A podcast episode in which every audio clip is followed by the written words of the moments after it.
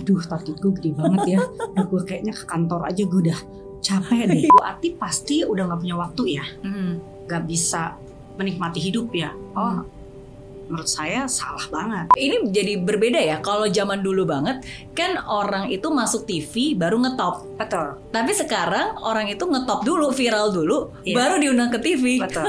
Ini gandeng waktu itu Raffi Ahmad Ah. bikin program baru Stripping Pagi dan At Halilintar. Oke. Memang mungkin waktu itu secara rating, secara penonton eh, nggak begitu bagus. Kalau menjadi ambisius, akhirnya saya kecewa Hmm. dan eh, akhirnya saya eh, menghalalkan segala cara untuk mencapai Hmm. apa yang dicita-citakan. Kegagalan bukan akhir dari segalanya, kesuksesan juga tidak selalu ada selamanya. Suka duka silih berganti, tapi keyakinan dan kemauan untuk terus melangkah itu yang harus dimiliki. Ya, dan di Zero to Hero hari ini, saya kedatangan sosok yang luar biasa, salah satu orang yang tokoh sangat berpengaruh di industri pertelevisian, uh, CEO dari Trans TV dan juga Trans 7, siapa lagi kalau bukan Ibu Atik Nur Wahyuni. Eh.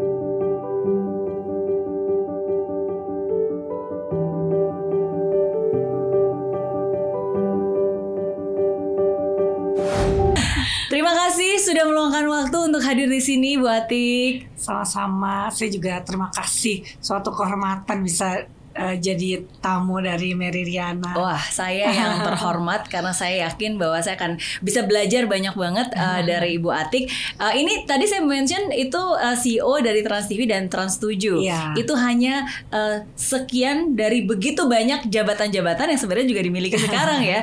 Uh, Iya. termasuk juga komisaris utama dari CNN Indonesia, CNBC Indonesia dan masih banyak lagi.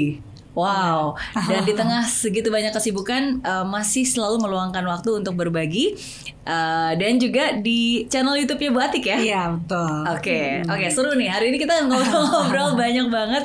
Tapi pertama-tama mungkin yang saya ingin tanyakan sebagai uh, seorang wanita karir, apalagi di industri pertelevisian, di mana banyaknya itu dominasi pria ya. Betul. Oke, em, apakah ini sesuatu yang memang dibayangkan dan dicita-citakan dari Bu Atik dari sejak kecil?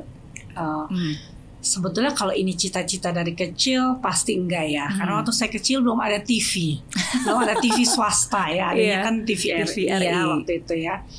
Jadi sebetulnya kenapa saya masuk di TV awalnya karena saya tuh suka banget marketing. Hmm. Saya suka banget. Saya suka bertemu orang, saya suka ngobrol.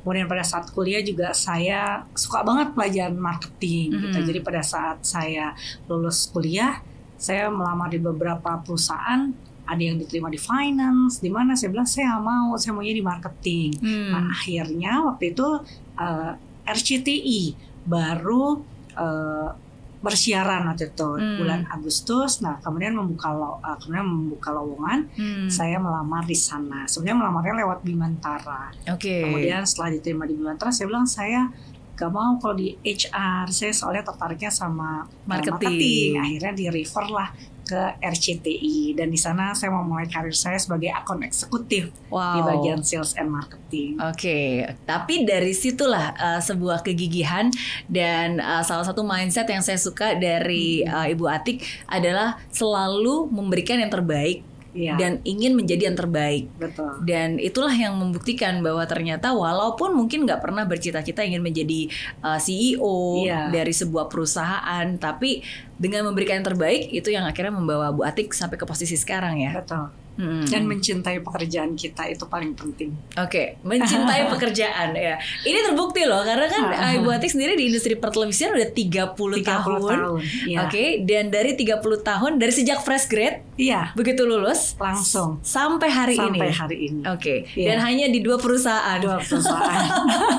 Wah, itu menunjukkan benar-benar kecintaan yang yang luar biasa ya. Betul. Ya, cinta dan komitmen. Ya, selain cinta dan komitmen juga kebetulan saya diberi peluang yang besar di Hmm. perusahaan di mana saya bekerja sehingga buat apa saya cari peluang di luar Hmm. ya kan karena peluang yang diberikan di perusahaan selalu dari tahun ke tahun saya di challenge untuk diberikan uh, tanggung jawab yang lebih dan lebih Hmm. sehingga itu yang membuat kenapa saya hanya berada di dua perusahaan.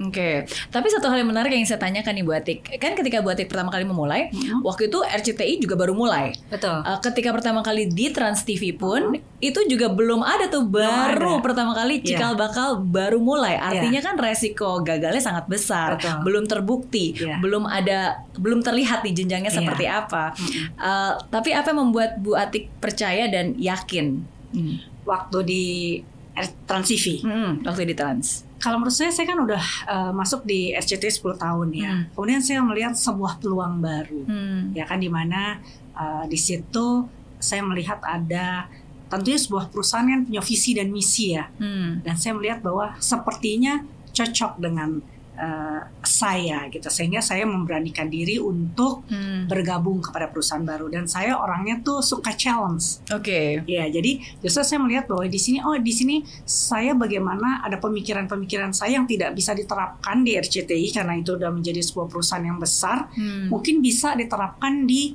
uh, perusahaan baru. Nah Hmm. itu yang membuat saya tertarik untuk pindah Oke. ke perusahaan uh, Trans TV. Padahal sebetulnya RCTI adalah number one ya Iya, Gitu, pada ya. saat itu ya. pada saat itu. Hmm. Sehingga sebetulnya buat apa sih sebetulnya saya pindah gitu. Tapi itu tadi sebuah uh, challenge ya buat saya untuk memulai sesuatu yang baru dan yang uh, menantang menurut saya. Iya, iya. Is is a risk ya. Iya, Karena betul. kan ketika kita sudah berada di sebuah perusahaan selama 10 tahun, Hmm. kita yang membantu membesarkan juga Hmm. udah pasti sangat nyaman dong. Betul. Dalam arti nggak perlu kerja terlalu keras, ya udah tau lah kira-kira seperti ini Betul. gitu. Tapi ketika memulai lagi sesuatu yang baru kan ulang lagi dari awal, Iya dong. culture-nya juga dari Hmm. awal, um, strateginya juga dari awal. awal-awal kaget juga loh Iya. karena juga kan tentunya eh, ownernya berbeda ya jadi Iya. Cara mereka memanage company juga berbeda jadi sebetulnya pertama agak kaget juga Hmm. tapi eh, kita cepat gitu kami cepat untuk beradaptasi dengan eh, apa yang terjadi Trans TV Oke, Uh, what is the best way to adapt kalau menurut uh, Bu Atik? Hmm. Gimana cara paling paling mudah untuk bisa paling cepat untuk bisa beradaptasi? kalau menurut saya eh, dalam hidup ini tuh nggak ada yang pasti ya kecuali perubahan Hmm. Jadi kemampuan untuk beradaptasi itu adalah suatu yang paling utama dalam Hmm. kita menjalani kehidupan kita baik dalam pekerjaan maupun kehidupan kita sehari-hari ya. Hmm. Tentunya kalau buat saya beradaptasi adalah mempelajari Hmm. apa sih yang kondisi yang terjadi, kemudian bagaimana kita menyesuaikan diri tanpa juga harus mengorbankan diri kita sendiri Oke. gitu. Jadi kita melihat bagaimana kita mensiasatinya dan bisa nggak menikmati Ya, perubahan ini. Tentunya kalau tidak bisa, kita nggak boleh maksa. ya. Itu akan membuat diri kita juga gak nyaman dan akhirnya juga nggak berhasil juga. Hmm.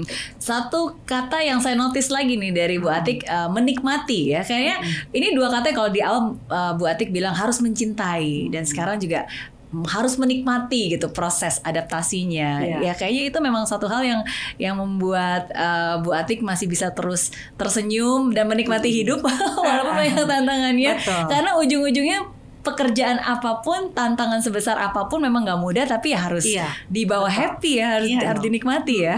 Kenapa saya bilang uh, mencintai pekerjaan itu harus sangat penting ya? Hmm. Sebetulnya mencintai apa pun yang kita jalani dalam hal hidup ini adalah yang terpenting. Karena misalnya kita kerja, Hmm. kalau ditanya dulu di Trans TV, kita tuh kerja sama Mary dari jam 9 pagi sampai jam 12 malam. Hmm. Sometimes kita meeting sama Pak CT sampai jam 2 pagi. Oke. gitu. Tapi kenapa kita itu happy happy aja? Tadi karena kita mencintai semua teman-teman saya dan teman-teman di sana tuh mencintai pekerjaan kita, Hmm. sehingga sesuatu nggak jadi beban. Hmm. Target yang diberikan kepada kita, kita melihatnya nggak beban, tapi challenge. Hmm. Gimana kita menaklukkan challenge tersebut, Oke. ya kan? bahkan melebihi apa yang ditargetkan kepada kita. Iya. Tapi kalau kita tidak mencintai pekerjaan kita ki- dan kita tidak mensukai challenge, kita dikasih target, aduh target gue gede banget ya, aduh gue kayaknya ke kantor aja gue udah capek deh Iya. gitu. Jadi itu kenapa buat Oke. saya mencintai pekerjaan kita itu adalah uh, kata kunci buat sebuah pekerjaan, buat sebuah kesuksesan mungkin. ya. Yes, and to have that ownership ya, Betul. it's not just about knowing but Iya, owning gitu, iya. memiliki. Kayak walaupun memang perusahaannya ya memang perusahaan bersama, maksudnya Iya. um, you work there as a professional gitu kan, tapi ya tetap have ownership. Iya. Kadang-kadang kita uh, kalau dipikir-pikir kalau Mbak Mary ya kerja kan untuk Mbak Mary ya. Mhm. Jadi harusnya mau mati-matian juga ya semuanya untuk Mbak Mary. Iya. Tapi kalau kita kan enggak ya sebetulnya itu kan Iya. ada ownernya. Tapi karena kita kita mencintai dan kita um, menikmati proses yang ada di situ dan Hmm. tadi ada proses belajar yang luar biasa dari Hmm. yang di- diberikan juga tidak terlepas dari pimpinan kita Pak Hairul Tanjung juga Hmm. luar biasa beliau. Jadi ya kita happy aja di situ Hmm. dan kita melakukan continuous learning itu Oke. mungkin yang membuat kita juga menjadi hidup Iya, iya. Terus bertumbuh bukan hanya Iya. income yang bertumbuh, Betul. tapi skill, Iya. mindset, ya kan? betul Oke. karena saya selalu bilang eh, keberhasilan itu adalah eh, makanan untuk jiwa Hmm. ya kan fit for our soul Mhm. jadi kalau kita berhasil itu membuat kita tuh bahagia Iya. itu juga eh, penting buat saya Iya, Em, tadi Bu Atik bilang em, menyebutkan ya bahwa em, wah kerja jam 9 pagi Hmm. sampai jam 12 malam bahkan kadang-kadang meeting sampai jam 2 Betul. pagi gitu kan. Eh, sedangkan di sisi lain nih banyak eh, orang-orang khususnya anak muda sekarang yang berpikir kalau mau sukses itu makanya jadi entrepreneur, ngapain kerja sama orang gitu Iya. kan, Eh, ngapain kerja sebagai profesional gitu. You have to Betul. be your own boss. Iya. Em, tapi kan nggak harus seperti itu ya. What, what do you think of that, Bu Atik? kalau menurut saya hmm, hidup adalah pilihan Hmm. ya ada yang memilih untuk jadi entrepreneur dan itu luar biasa bagus karena Hmm. juga membuka peluang buat orang-orang lain Hmm. uh, untuk bekerja tapi pilihan untuk menjadi profesional juga baik Hmm. bahkan bukan hanya bekerja ya pilihan untuk menjadi ibu rumah tangga pun itu Hmm. suatu pilihan yang mulia jadi kalau menurut saya hidup adalah pilihan Ya. tergantung pada kita mau memilih untuk menjadi apa tapi anda harus konsisten menjalankan semua pilihan-pilihannya untuk Hmm. menjadi yang terbaik Hmm. Oke. kalau jadi ibu rumah tangga jadilah ibu rumah tangga yang baik mendidik anak-anaknya Ya. juga segala macam jadi semua pilihan hidup itu adalah mulia buat saya Ya. yang membedakan adalah bagaimana kita menjalankannya dan Hmm. konsisten untuk itu Oke, that's that's very true. Karena Ya. kebanyakan orang mereka nggak berhasil, mungkin karena di awalnya mereka nggak tahu Iya. harus mau ngapain. Betul. Dan ketika mereka memilih pun mereka nggak meyakini, Iya. karena mereka ngeliat kiri kanan, eh kayaknya ini lebih oke, kayaknya Iya, lebih betul. Jadi- rumput tetangga lebih hijau Iya, ya Jadi selalu meragukan pilihannya Betul, ya. iya. Oke, padahal pilihan apa pun asalkan kita uh, jalani dengan keyakinan dan sungguh-sungguh Iya. yang seperti um, mindsetnya Bu Atik, berikan yang terbaik, jadi yang terbaik di bidang Iya. itu, ya pasti hasilnya juga akan baik. betul Oke, Uh, walaupun memang harus ada kerja keras, ada pengorbanan, Iya. termasuk pengorbanan waktu. pasti Semakin tinggi posisinya, semakin banyak waktu Betul. yang diluangkan. betul Oke, then how do you manage between uh, job and uh, Family. family? Ya. Pasti semua orang kalau eh, saya diundang bilang Ibu Ati pasti udah nggak punya waktu ya, Hmm, nggak bisa menikmati hidup ya. Oh, Hmm. menurut saya salah banget. hmm, Saya tuh orang yang sangat menikmati hidup. hmm, Karena buat saya bekerja itu work for better life. hmm, Pada suatu saat di mana pekerjaan itu tidak membuat hidup saya menjadi tidak lebih baik, hmm, then I will quit. Hmm, Gitu. Jadi di situlah harus ada keseimbangan tadi. hmm, keseimbangan. Apakah saya bahagia dengan pekerjaan itu? Apakah saya juga punya waktu untuk keluarga saya? Tentunya saya eh, beruntung mempunyai anak yang bisa mensupport saya dan keluarga yang bisa mensupport saya. hmm. Nah kebetulan kami tuh hari Sabtu Minggu tuh nggak pernah diganggu gugat kalau di kantor. itu juga sebuah kelebihan. Oke. Jadi kerja Sabtu sampai Ming- sampai Jumat. S- eh, eh, Senin sampai Jumat. Sabtu Minggu untuk keluarga Oke. seperti itu dan alhamdulillah masih bisa nih eh, punya waktu jalan-jalan apa eh, buat bareng anak-anak buat liburan buat Hmm. anak saya jadi menurut saya eh, juga masih bisa memperhatikan pendidikan anak-anak juga anak Hmm. juga semuanya bisa waktu itu juga ibu masih di rumah Hmm. bersama saya jadi Saya rasa sih tadi bagaimana kita membalance hidup kita Hmm, itu menjadi penting. oke. It's Iya. not about finding a time but making the time. Iya, Iya kan? ya, karena itu juga kata-katanya bagus banget tuh mbak. Hmm. Kalau kita tanya, we never have time, Iya, but we make it. betul. Kita membuat waktu yang berkualitas, yang baik untuk siapa pun, Hmm, untuk anak kita, untuk ibu kita, Hmm. untuk teman-teman kita gitu. Tapi kalau ditanya, "Ih, lo sibuk ya? Lo nggak bisa ke mana-mana dong." Ya kalau kita ikutin sibuk terus, kita nggak pernah punya waktu. Tapi kita makanya bikin schedule Iya. supaya kita punya waktu untuk hal-hal lain di luar pekerjaan kita. Itu betul sih. betul. Aduh, selalu saya tuh selalu seneng ya kalau ngobrol-ngobrol dengan um, orang sukses dan wanita juga, oke, yang berkeluarga yang punya anak, because Iya. we resonate the same thing. Iya. Dan saya selalu bilang um, make priorities, tapi uh, to show that you are really knows that that priorities itu important, ya you have to make it in schedule. Betul. Karena kalau kamu nggak put it in schedule itu sama aja Iya, bohong. Itu it's betul. not a priority. Iya. Karena only if we put it in schedule Mhm. baru it will happen Iya, kan. Termasuk betul. juga jadwal anak. Iya, jadwal liburan, Jadwal liburan anak. iya nggak? jadwal kalau anak lagi ujian Iya, lagi. iya, iya. Iya. Dan dan ini ini komitmen banget loh. Aku aku begitu aku tahu ya, aku impress Hmm. banget sama Bu Atik. Kenapa? Karena ketika waktu itu anaknya Bu Atik, Anissa, Aha. eh, kuliah di Jepang, Iya. eh, sekolah di Jepang, Hmm. eh, you even make a time Iya, to travel there Betul. frequently. iya. Jadi eh, hari apa tuh? Hari Kamis. Kamis malam saya berangkat habis meeting Bapak CT Mhm. langsung saya ke airport tuh semua barang udah ada di airport koper saya saya datang masuk check in terbang nanti hari Senin malam jam 11 saya terbang dari Jepang sampai sini jam 5 Selasa saya udah kerja lagi Oke, and it's, it's- itu regular ya seperti itu. regular nih Wow, Ya. why? Ken- kenapa sampai segitunya? It, it takes a lot of sacrifices Iya. kan? Orang juga selalu bilang, eh, ih Ti kok kuat banget sih lo kayak Iya. gitu. Gue sih nggak sanggup gitu.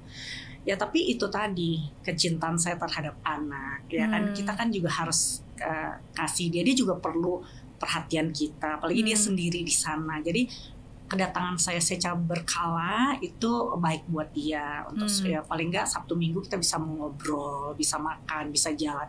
Tapi apalagi kalau dia lagi ujian, Iya. eh, akhir semester gitu, saya biasanya meluangkan waktu juga cukup lama Oke. untuk menemani. Apalagi waktu ujian terakhir seminggu deh saya di sana Oke. untuk uh, support aja. Sebetulnya saya juga nggak bisa bantu apa-apa ya, karena dia kan belajarnya animasi. Tapi uh, keberadaan saya di sana untuk mensupport Anissa Oke. supaya lebih uh, tenang lah dalam menghadapi ujian.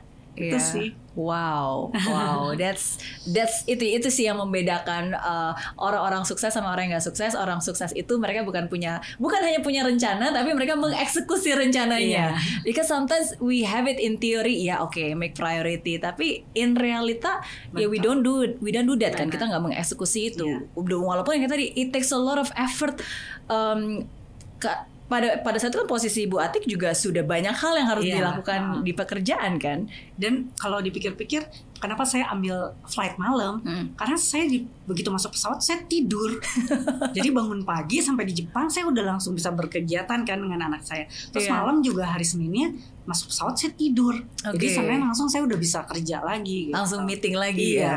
Oke. gitu. Jadi flightnya juga dipilih yang uh, benar-benar sangat efektif.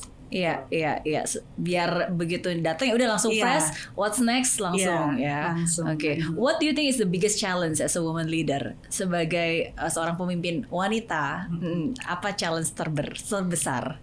Kalau menurut saya sih uh, challenge-nya adalah diri sendiri ya. Hmm. Gimana kita uh, karena sekarang saya lihat udah banyak sekali perempuan maju Hmm. dan yang pasti adalah kesempatan yang diberikan untuk perempuan itu sudah besar sekali. Hmm. Jadi kembali lagi kepada kita, bagaimana kita. Saya nggak melihat sebagai dia itu li, eh, Nah mungkin kalau woman leader ya, kalau di kantor sendiri sih atau di bidang organisasi organisasi mana pun, saya rasa sih dari organisasi itu sih tidak ada challenge yang berlebihan sih, Hmm. ya kan? Karena itu kan bagaimana kita, bahkan keuntungan kita kan eh, kita banyak kan teo apa penelitian juga Iya. yang menyebutkan bahwa wanita itu kan multitasking Iya. kan, gitu. Itulah menjadi keunggulan kita sehingga bagaimana kita bisa sukses.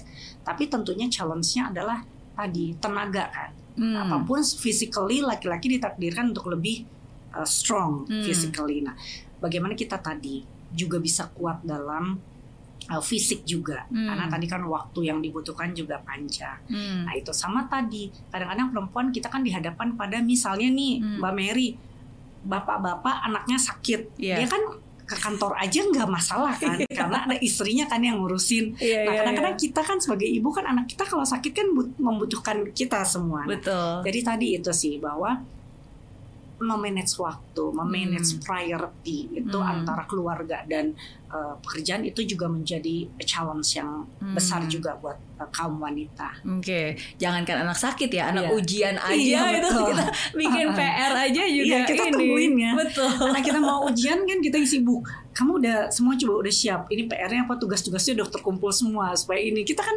yang paling ini ya concern ya Benar sama benar. anak-anak. Dan bukan Iya. hanya itu urusan rumah tangga di rumah pun Betul, juga iya. ART-nya mau pulang kampung Betul. gitu kan. Waduh, itu iya dulu waktu Lebih ada susah. ibu di rumah suster keluar kita ikut pusing kan benar benar benar banget. Itu bisa lebih pusing loh. Betul. Karena kan eh, ya kita harus meng, hire orang yang kita percayakan Betul, juga karena kita iya. mempercayakan anak kita Iya. dengan mereka juga kan Iya. gitu. Uh-uh. Jadi ya I I know it's not easy. milihin guru les juga ibu kan betul betul Iya. dan uh, ja- jadi ya again of course there's no perfect mom ya makanya Iya, saya pun juga selalu berusaha untuk memberikan yang terbaik dan ya itulah jadi kalau dari kalau buat saya sendiri sih Iya. kayak begitu uh, tahun ajaran baru biasa kan suka ada jadwal sekolah tuh selama Ah. satu tahun jadwal liburan tuh Iya. biasa udah selalu masukin sini dulu gitu Iya. make sure nggak ada yang terlupakan Iya. dan ya again yang perintilan-perintilan yang tadi itulah ya tapi that is the one that makes the journey interesting iya betul Iya nggak? Iya. Oke. Em, di dunia pertelevisian 30 tahun ya. betul Eh, berarti Bu Ati udah eh, merasakan bagaimana ketika dunia pertelevisian menjadi kayak wah TV TV TV segalanya. Terus ada peralihan yang bilang YouTube YouTube lebih dari TV gitu kan.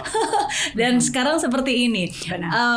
Eh, gimana menurut Ibu Atik dari dunia pertelevisian yang sekarang apakah ini masih efektif gitu? Apakah televisi masih menjadi media eh, utama yang ditonton dan gimana nih dengan tantangan iya dunia digital? Oke.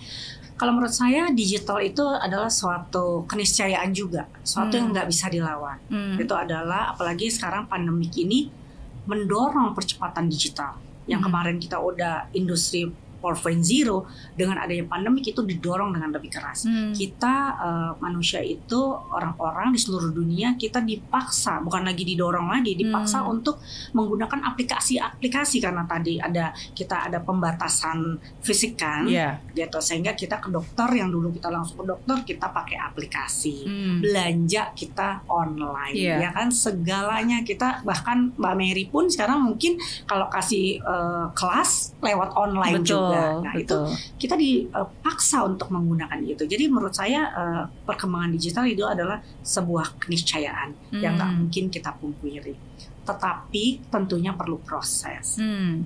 Eh, sekarang bagaimana TV TV sampai saat ini mbak penetrasinya masih paling tinggi Oke. Kenapa? Karena tadi kita udah punya pemancar di sel- kita udah bisa menjangkau 97% Hmm. uh, coverage di Indonesia. Hmm. Itu yang menjadikan kenapa TV masih menjadi media utama Hmm. bagi uh, apa pengiklan dan juga penonton di seluruh Indonesia. Karena Oke. tiap negara berbeda-beda kan, Mbak. Iya. Tergantung dari kecepatannya dalam penerapan internet di negara tersebut. Nah, Iya. kebetulan di Indonesia saat ini TV menjadi media utama. Iya. Ya, tetapi kita juga nggak bisa memungkiri bahwa adanya millennials, Iya. zillennials dan bahkan sekarang Gen Alpha Oke. ya, di mana mereka sudah sangat berbeda dalam mengkonsumsi media. Hmm. Mereka sekarang pada saat menonton TV dari data-data yang ada, dari survei yang ada, menunjukkan bahwa mereka menggunakan punya behavior baru Hmm. yang namanya dual screen. Di mana Oke. pada saat mereka menonton, mereka memegang smartphone. Oke. Nah, seperti itu. Jadi kami pun di TV juga khususnya di Transmedia, kami Hmm. sangat fokus dalam mengembangkan media-media dig- digital kita yang baru. Hmm. Walaupun TV masih menjadi media utama. Hmm. Dalam hal advertising expenditure pun dari media kita, kita juga masih yang paling tinggi adalah didapat dari televisi. Oke. Tetapi tentunya kita nggak bisa mengabaikan itu, Mbak. Secara teknologi kita Iya. juga harus memperbaiki. Iya. Satu apa? Kita ta- sekarang ada namanya interaktif TV. Iya. Bagaimana kami bekerja sama dengan media digital kami untuk bisa sekarang kalau nonton Trans TV bisa ada QR code tuh bisa Oh. dia kita bisa uh, uh, ini Ah, uh, pakai QR code nah nanti masuk ke landing page-nya di detik hmm. bahkan kalau kita bekerja sama sama klien mas bisa masuk ke landing page-nya klien Oke. gitu, jadi dari teknologi kita juga mengimprove. Nah Oke. kami pun mengembangkan uh, media sosial kami. Kayak Iya. Trans 7 Trans 7 itu kita aset uh, digital kita itu adalah 92 juta subscriber yang setara dengan 57,5 persen dari penguser dari Wow. media sosial. Jadi Iya. kami juga sangat serius baik dari Trans TV Trans 7 pun maupun Transmedia Hmm. menghadapi uh, era digital ini, menyambut era digital ini. Hmm. Nah, uh, itu dari teknologi. Nah, Oke. sekarang bagaimana dari konten? Iya. Kita melihat bahwa uh, YouTube tuh juga sekarang tenar sekali. Iya. Makanya apa yang dilakukan tadi, Mbak, adaptasi. Hmm. Kami menggunakan kalau Mbak Mariana Mary lihat sekarang uh, bahwa kita banyak sekali mengambil artis-artis yang sangat ngetok di YouTube, Iya. Ya kan? Mbak. Im Wong. Iya. Kalau Raffi Ahmad udah dari dulu kan. Iya. Kemudian ada Andre. Jadi artis-artis yang bukan hanya ngetop di TV tapi punya basis di uh, YouTube. YouTube. yang besar. Itu kita ambil. Hmm. Bahkan kita juga mengadaptasi konten-konten mereka yang di YouTube untuk dijadikan konten TV. Nah, itu tadi Mbak. Hmm. Jadi di skala bidang tuh tadi yang namanya adaptasi itu Oke. adalah number one lah, nomor Oke. satu yang harus dikedepankan. Kenapa? Karena kita terus, kita Ya. kan kita nih tiap hari yang ada berubah, berubah dan berubah. Jadi bagaimana adaptasi itu kita lakukan Ya. untuk bisa survive bahkan memenangkan kompetisi ini. Oke. Gitu sih. Oke. Jadi menurut saya eh, kalau dibilang bahwa kita mungkin diprediksi dalam 5-10 tahun ke depan nanti TV dan digital itu menjadi media utama di Indonesia. Iya. Gitu. Jadi Iya. eh, karena di Amerika juga walaupun digital udah lama juga TV kan juga masih hidup. Betul.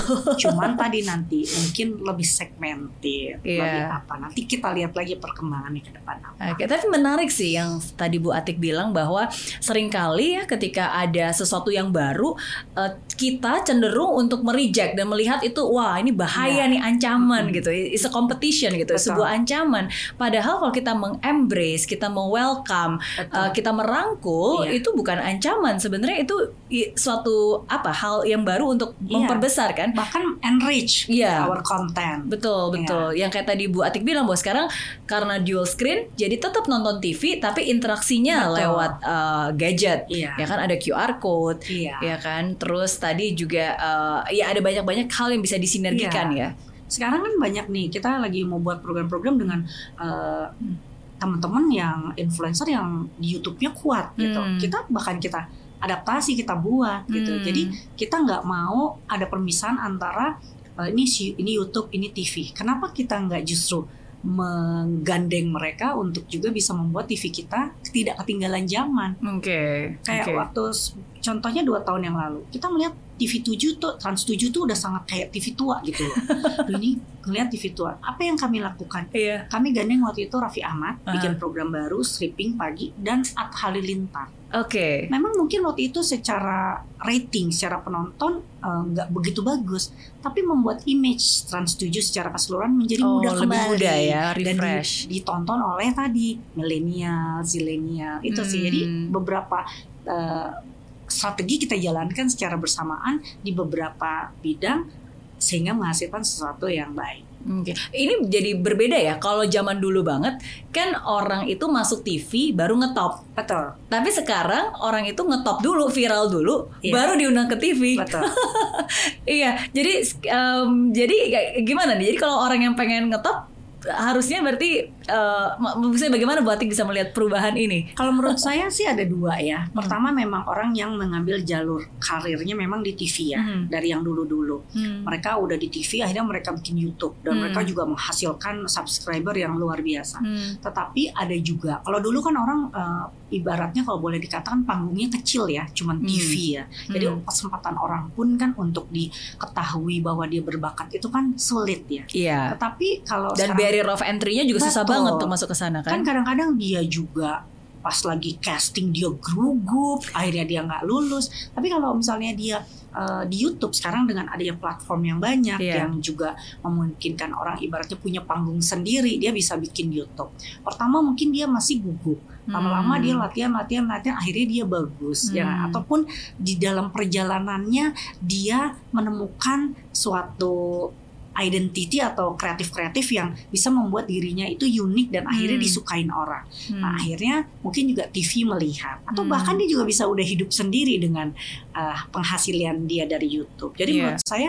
dengan adanya uh, internet, digital, sebetulnya kesempatan orang untuk berkembang dalam bidang apa pun itu sangat luas gitu. Hmm. Jadi bagaimana tadi kita harus memanfaatkan si digital buat makanya buat teman-teman yang mungkin baru fresh grade atau baru yang first job. Iya. Jadi eh, jangan melimitasi diri. Iya. Explore aja kemampuan kamu di mana pun eh, kamu berada sampai suatu hari kamu menemukan apa sih jalur saya. Hmm. Kadang kan ada orang beruntung ya Mbak Mary ya. Dari Hmm. awal kita udah yakin, oke saya mau mengambil jalur ini dan kita konsisten, kemudian kita sukses. Iya. Tapi juga ada juga kita pada ada orang juga yang saking mempunyai talent yang banyak lebih dari satu, Hmm. mungkin dia bingung nih mau yang ini, mau yang ini, yang mau ini. Nah, Iya.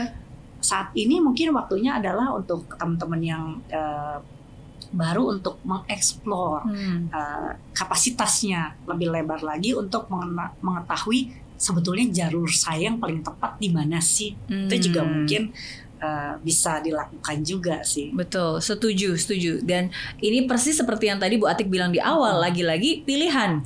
Ya Betul. kan sekarang dunia memberikan kita begitu banyak kesempatan, ada banyak jalan menuju Roma. ya kan? Tapi lagi-lagi ya kamu mau milih yang mana? Betul. Pilihlah yang benar, konsekuensi eh, komitmen, tekuni dan ya udah jalankan aja. Jadi mau mulai dari TV dulu kah, mau mulai dari YouTube, YouTube. dulu kah, ya Betul. kan? Mau mulai dari mana pun juga Instagram Iya. kah gitu kan? Yang penting dipilih, diyakini, dijalani dengan sungguh-sungguh. Ya, oke. Em, Bu Atik juga tahun 2020 ini menerima banyak penghargaan. Salah satu penghargaannya juga uh, The Industry Marketing Special Mention 2020 dari Marketers of the Year 2020 ya. Ya, ini um, penghargaan yang diberikan karena Ibu Atik juga banyak sekali memberikan inovasi di saat pandemi, khususnya di dunia pertelevisian. Iya. Inovasi apa nih yang dibuat di saat pandemi ini? Tentunya waktu itu kan salah satunya kita eh, dalam pandemi ini gimana sih kita perusahaan kita juga masih bisa Hmm. eh, survive ya bahkan eh, eh, berhasil Hmm. ya, menghadapi ini karena ini kan suatu yang mengejutkan. Jadi waktu Hmm. itu tentunya kami melakukan eh, cost leadership. Oke. Tapi tentunya kalau cost leadership itu bagaimana juga bukan hanya semata-mata cost leadership, tapi juga diimbangi dengan kreativitas Hmm. untuk supaya tetap menghasilkan produk-produk yang baik.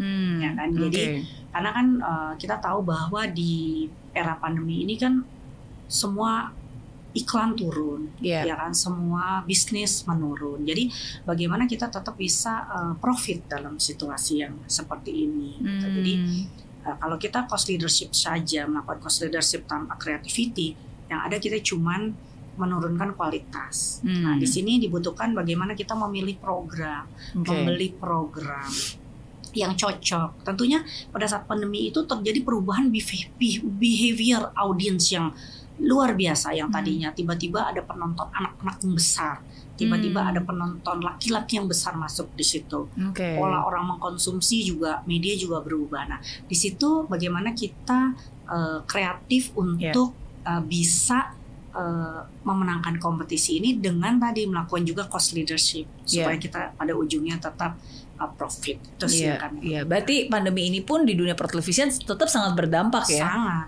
Oke. Kami melakukan waktu itu juga kita membuat program-program yang bahkan karena pandemik itu juga kita eh, kita kan kebetulan YouTube kita besar ya, Iya. eh, Facebook kita juga besar. Tapi sekarang pada dimulai di tahun ini kita juga membuat program-program yang tidak ditayangkan di TV, tapi hanya ditayangkan di sosial media Oke. gitu. Itu juga merupakan terobosan karena Oke. juga eh, kita juga kemarin eh, Mbak Mary juga Oh ikut iya, ya di di dalamnya acara ya. Kita Yang juga buat wanita. Ah, Yes, inspirasi, inspirasi. eh, untuk wanita. Nah itu juga salah satunya akhirnya kita dipilih oleh YouTube Hmm. untuk menjadi uh, host dalam uh, acara tersebut. Nah Oke. itu juga karena kita sangat serius mbak mengembangkan sosial media kita dan mem- membuat program-program yang hanya tayang di sosial media. Oke, me- eh, eksklusif berarti Betul. ya. Oke, jadi harus pintar-pintar nih mencari tahu strateginya seperti apa Iya. dan harus uh, test and measure ya. Iya, jadi benar. harus dites, diukur, di- kita lihat Iya. lagi, evaluasi lagi apakah Betul. strategi ini Iya. bisa dijalankan Iya. lagi atau enggak. Ya kita juga harus lihat eh, juga kita juga harus eh, harus jadi trendsetter sih mbak harus jadi Hmm. ino- inovator juga gimana kalau bisa jangan TV lain belum jalanin kita udah jalanin duluan gitu Hmm. supaya eh, kita eh, mendapat perhatian yang lebih kan dari audiens Iya, iya, ya, emang DNA-nya Bu Atik nih DNA ini ya, love challenge ya. Iya. Suka tantangan dan always challenge yourself. Ah. Oke, Em, kalau dari tadi kan jelasnya, wah kayaknya semuanya mulus-mulus aja nih, Betul. kayak wah berhasil gitu. Ada nggak sih eh, saat-saat momen titik terberat, titik terendah yang pernah dihadapi Bu Atik? gitu ya orang tuh sering loh nanyain sama saya seperti itu ya Hmm. tapi eh, pasti ada ya Mbak Mary ya pasti Hmm. ada ya tapi sebetulnya karena saya tuh orangnya juga positive thinking aja ya Hmm. saya tuh nggak pernah ngelihat itu sebagai suatu yang waduh itu titik terpuruk saya Iya. atau apa saya selalu mensyukuri apa yang ada saya selalu dalam situasi yang sangat buruk pun Hmm. I always see the bright side Hmm. gitu jadi misalnya nih pandemi kan kita lagi kita nggak bisa keluar negeri misalnya kita nggak bisa jalan-jalan kita nggak bisa ketemu orang sebenarnya kan kita kan susah ya secara Iya. pribadi nih nggak secara Betul. kantor ya tapi I always see the bright side ya jadinya kita bisa nabung Hmm. seperti itu jadi Oke. contoh-contoh seperti itu tadi mungkin kalau nggak pernah pandemi mungkin kita di, di kantor mungkin kita nggak didorong untuk berpikir lebih keras Iya. untuk menciptakan hal-hal baru seperti itu. Ya jadi eh, dalam perjalanan saya yang 30 tahun ini boleh dikata saya sih merasa oke-oke aja sih, baik-baik aja. Baik-baik aja. Baik-baik aja karena tadi saya selalu senang-senang aja kalau sesuatu Iya. saya gagal, saya anggap oh ya saya harus belajar. Oke. Gitu kan. Tapi saya rasa yang paling berat dalam perjalanan karir saya adalah pada saat pertama saya masuk di Trans TV sih. Oh ya. Ya, kenapa? Karena kan itu kan perusahaan baru ya, Mbak ya. Di mana saya itu kan misalnya dulu di RCTI ya, number one. Dulu rating 20, 30. Tiba-tiba pas masuk gitu di uh, udah semangat semangat. Wah, kita udah ingin menerapkan ini, ini, Uh. ini, ini. Pas hari pertama rating keluar, biasa di RCTI ratingnya 30 20 ini ratingnya 5 3 zaman dulu kan Iya. kalau sekarang sih lima lima sih wajar Wajar, wajar aja karena betul. sekarang udah nggak terlalu besar kan berbagi. Saya sempat berpikir juga, aduh aku salah nggak ya pindah ke sini Hmm. gitu sih. gitu. Tapi eh, karena juga beratnya tuh ibaratnya roda belum berputar mbak, kan Hmm. kita dorongnya harus lebih keras, Hmm. harus lebih lebih kencang. Nah kalau roda udah berputar kan dorongnya lebih pelan.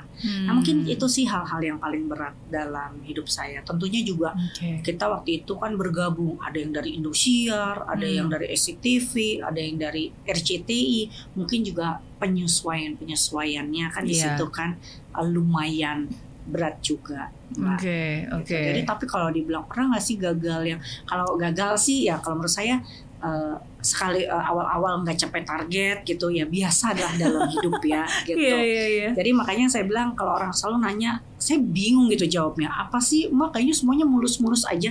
Mungkin nggak mulus-mulus aja ya. Iya. Cuman karena saya selalu memandang itu sebagai challenge. Bahwa Betul. kegagalan itu ya harus dipelajari kenapa dan berikutnya harus jadi sukses. Jadi buat saya sih ya biasa aja ngejalaninnya. Betul, Gitu. betul. Karena cara berpikir kita Berbeda, berbeda mungkin, ya. iya. Mungkin maksudnya kita always to see uh, optimis itu kan bukan hanya melihat yang terbaik, tapi Betul. apa pun keadaannya ya kita selalu aja ada yang sisi Betul, baiknya iya. gitu. Nah mungkin ada juga nih mbak cerita yang mungkin juga waktu kita pertama kali waktu kami mengambil alih kita akuisisi Hmm. Trans 7 gitu Hmm. kan. Eh, waktu itu kan eh, karena kan dari merugi kita gimana caranya supaya bikin eh, Hmm. itu positif kan. Nah waktu itu pada saat jadi saya jadi presdir saya diminta oleh Pak Citi untuk melakukan presentasi kan. Akhirnya saya melakukan presentasi. Presentasi saya bilang ini nih Trans 7 ini isinya begini begini begini begini begini begini Hmm. dan uh, karyawan SDM-nya seperti ini, seperti ini, seperti ini dari program seperti ini, dari uh, semua dari sales, dari Hmm. produksi, dari ini. Nah, yang harus lo action plan-nya adalah ini ini ini ini Hmm. ABCD. Kata PCT waktu itu ya kamu udah bagus karena kamu udah tahu masalahnya, berarti kamu telah menyelesaikan 50% dari masalah. Hmm. Tetapi berikutnya adalah keberanian kamu untuk menjalankan action plan-nya. Hmm.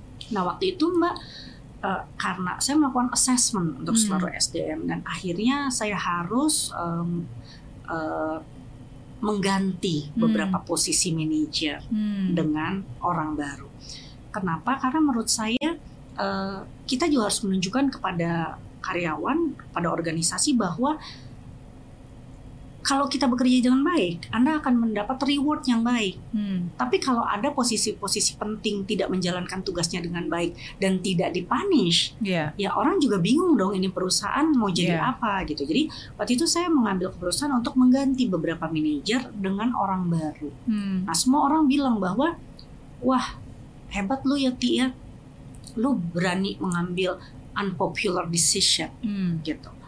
Mungkin itu juga suatu titik eh, krusial juga sih Mbak Mary. Tapi menurut saya, saya nggak bisa, saya nggak melihat tuh ada namanya unpopular decision. Hmm. Menurut saya, setiap decision itu bisa popular, bisa unpopular, tergantung dari sudut pandang kita melihat, Mbak. Hmm. Kalau menurut saya, saya mengganti misalnya empat orang manajer, tapi dengan diganti empat, perusahaan itu maju dengan pesat, Hmm. berkinerja dengan baik dan menghasilkan profit yang baik yang akhirnya karyawan dapat bonus. Ya. Mungkin di mata empat orang ini dan segelintir orang, saya mengambil unpopular decision. Ya. Tapi untuk the rest of the karyawan yang which is 1.500 orang itu decision yang saya ambil adalah popular karena Yeah. kenapa membuat perusahaan lebih bagus dan mensejahterakan karyawan pada Yeah. ujungnya gitu jadi saya eh, selalu bilang buat saya nggak ada unpopular decision Ya. tinggal dari sudut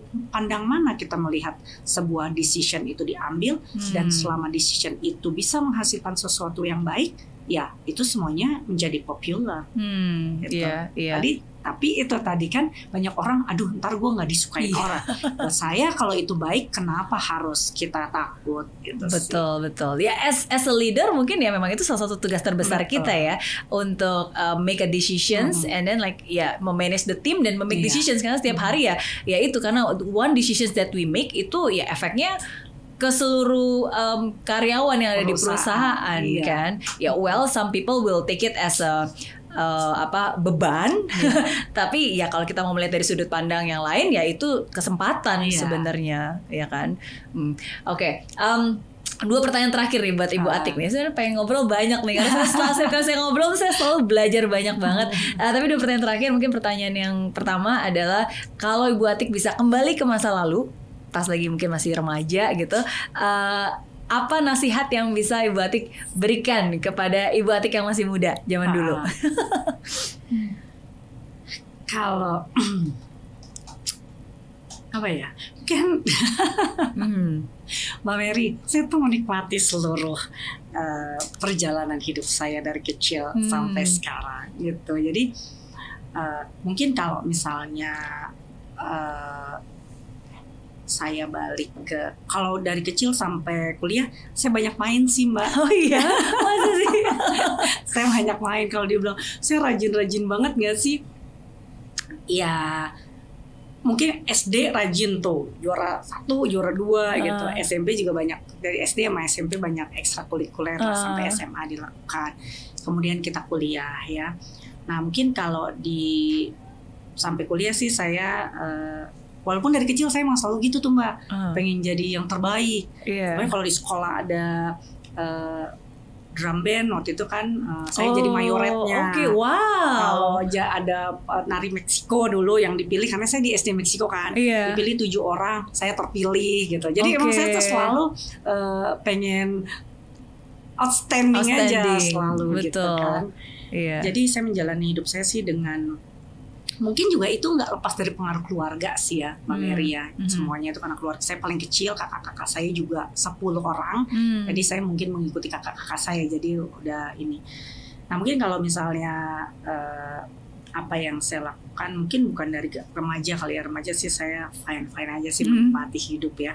kalau dari setelah lulus kuliah mungkin saya lebih uh, selama 30 tahun saya menjalani karir kan saya sangat fokus ya di Hmm. dalam menjalani karir. Mungkin yang saya pengen lakukan adalah uh, mungkin saya ambil S2 lebih cepat gitu. Oh, gitu. Itu. Kemudian mungkin uh, lebih uh, mempunyai uh, banyak waktu untuk melakukan Hmm. kegiatan sosial itu aja sih. Hmm, oke, Sampai wow. so far, Iya itu saya jadi ter-challenge nih karena dari dulu saya uh, salah satu hal saya tuh pengen ngambil S2. uh, Uh, tapi setelah setelah bekerja saya pikir "Oh, sebenarnya S2 masih penting gak sih gitu cuma again terus belajar ya nggak peduli apakah S2, S3 di mana pun tempat at least kita men-challenge ourselves supaya brain Iya. kita pun juga terexpand gitu ya nggak cuma itu itu aja oke pertanyaan terakhir nih ini ini menarik karena um, dari banyak hal yang saya baca dan interview yang saya juga dengar Ibu Hati itu selalu bilang bahwa uh, selalu memberikan yang terbaik selalu ingin menjadi yang terbaik gitu Iya. kan. Kalau bisa nomor satu why not? Um, tapi at the same time nggak boleh ambitious. Mhm. dan how to balance? Gimana kita ingin menjadi yang terbaik nomor satu tapi uh, nggak Mhm. Mm-mm.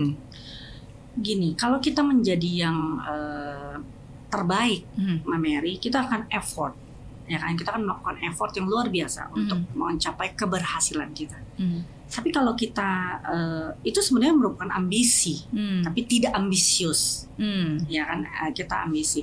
Bedanya sama kenapa tidak ambisius adalah kalau kita terlalu ambisius, nanti kalau kita gagal kita kecewa. Hmm. Karena dalam hidup ini ada hal-hal yang tidak bisa dikontrol oleh kita. Hmm. dikontrol oleh orang lain, dikontrol oleh Tuhan gitu ya kan. Iya. Jadi bagaimana kita uh, berusaha aja maksimal menjadi yang terbaik. Tadi kalau dibilang kenapa sih menjadi yang terbaik Mbak?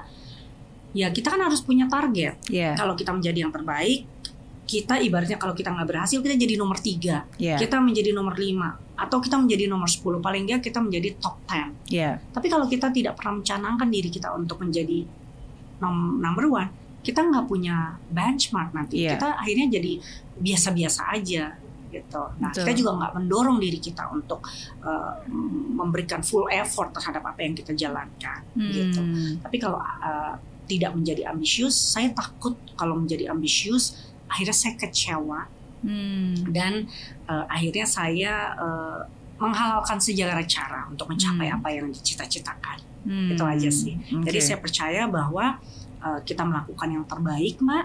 Iya. Uh, kita menjaga selalu di tim saya saya juga bilang Anda harus berkompetisi dalam harmoni.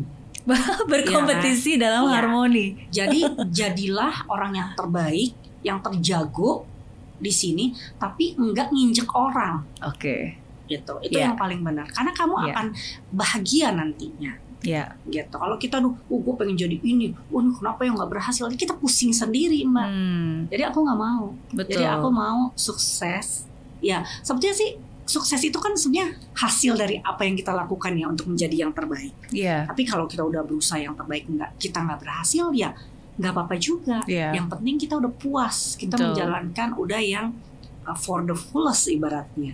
Iya. Iya. Gitu. berkompetisi dalam harmoni. Ya, oke Betul. itu juga bisa jadi tagline nih.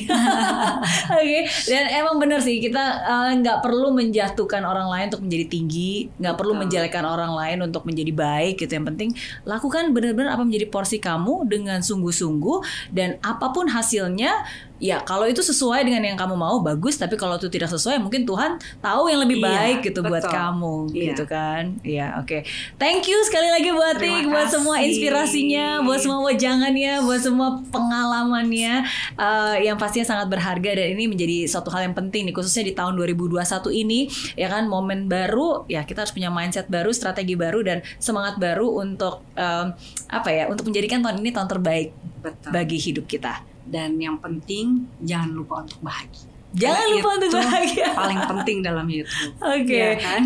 Yes betul dan jangan lupa juga untuk subscribe channel YouTube Bu Atik karena wow di tengah kesibukannya masih sempat buat konten. Betul. Channel YouTube Bu Atik apa nih? Ati Nur Rahyuni Channel. Yes, oke harus nonton subscribernya juga udah ratusan ribu, oke Uh, banyak banget show-show yang bagus yang menarik uh, dan dapatkan terus inspirasi. Sukses terus, Terima sehat kasih. selalu dan semangat terus buat Ibu Atik. Amin. Terima Amin, kasih. sama-sama. Dan seperti saya bilang, di setiap cerita selalu ada pelajaran berharga dan semoga cerita dan kisah dari Ibu Atik hari ini bisa menjadi pembelajaran berharga buat Anda semua yang sedang menonton. Oke, jadi sukses terus, fight till the end, and never give up. Bye.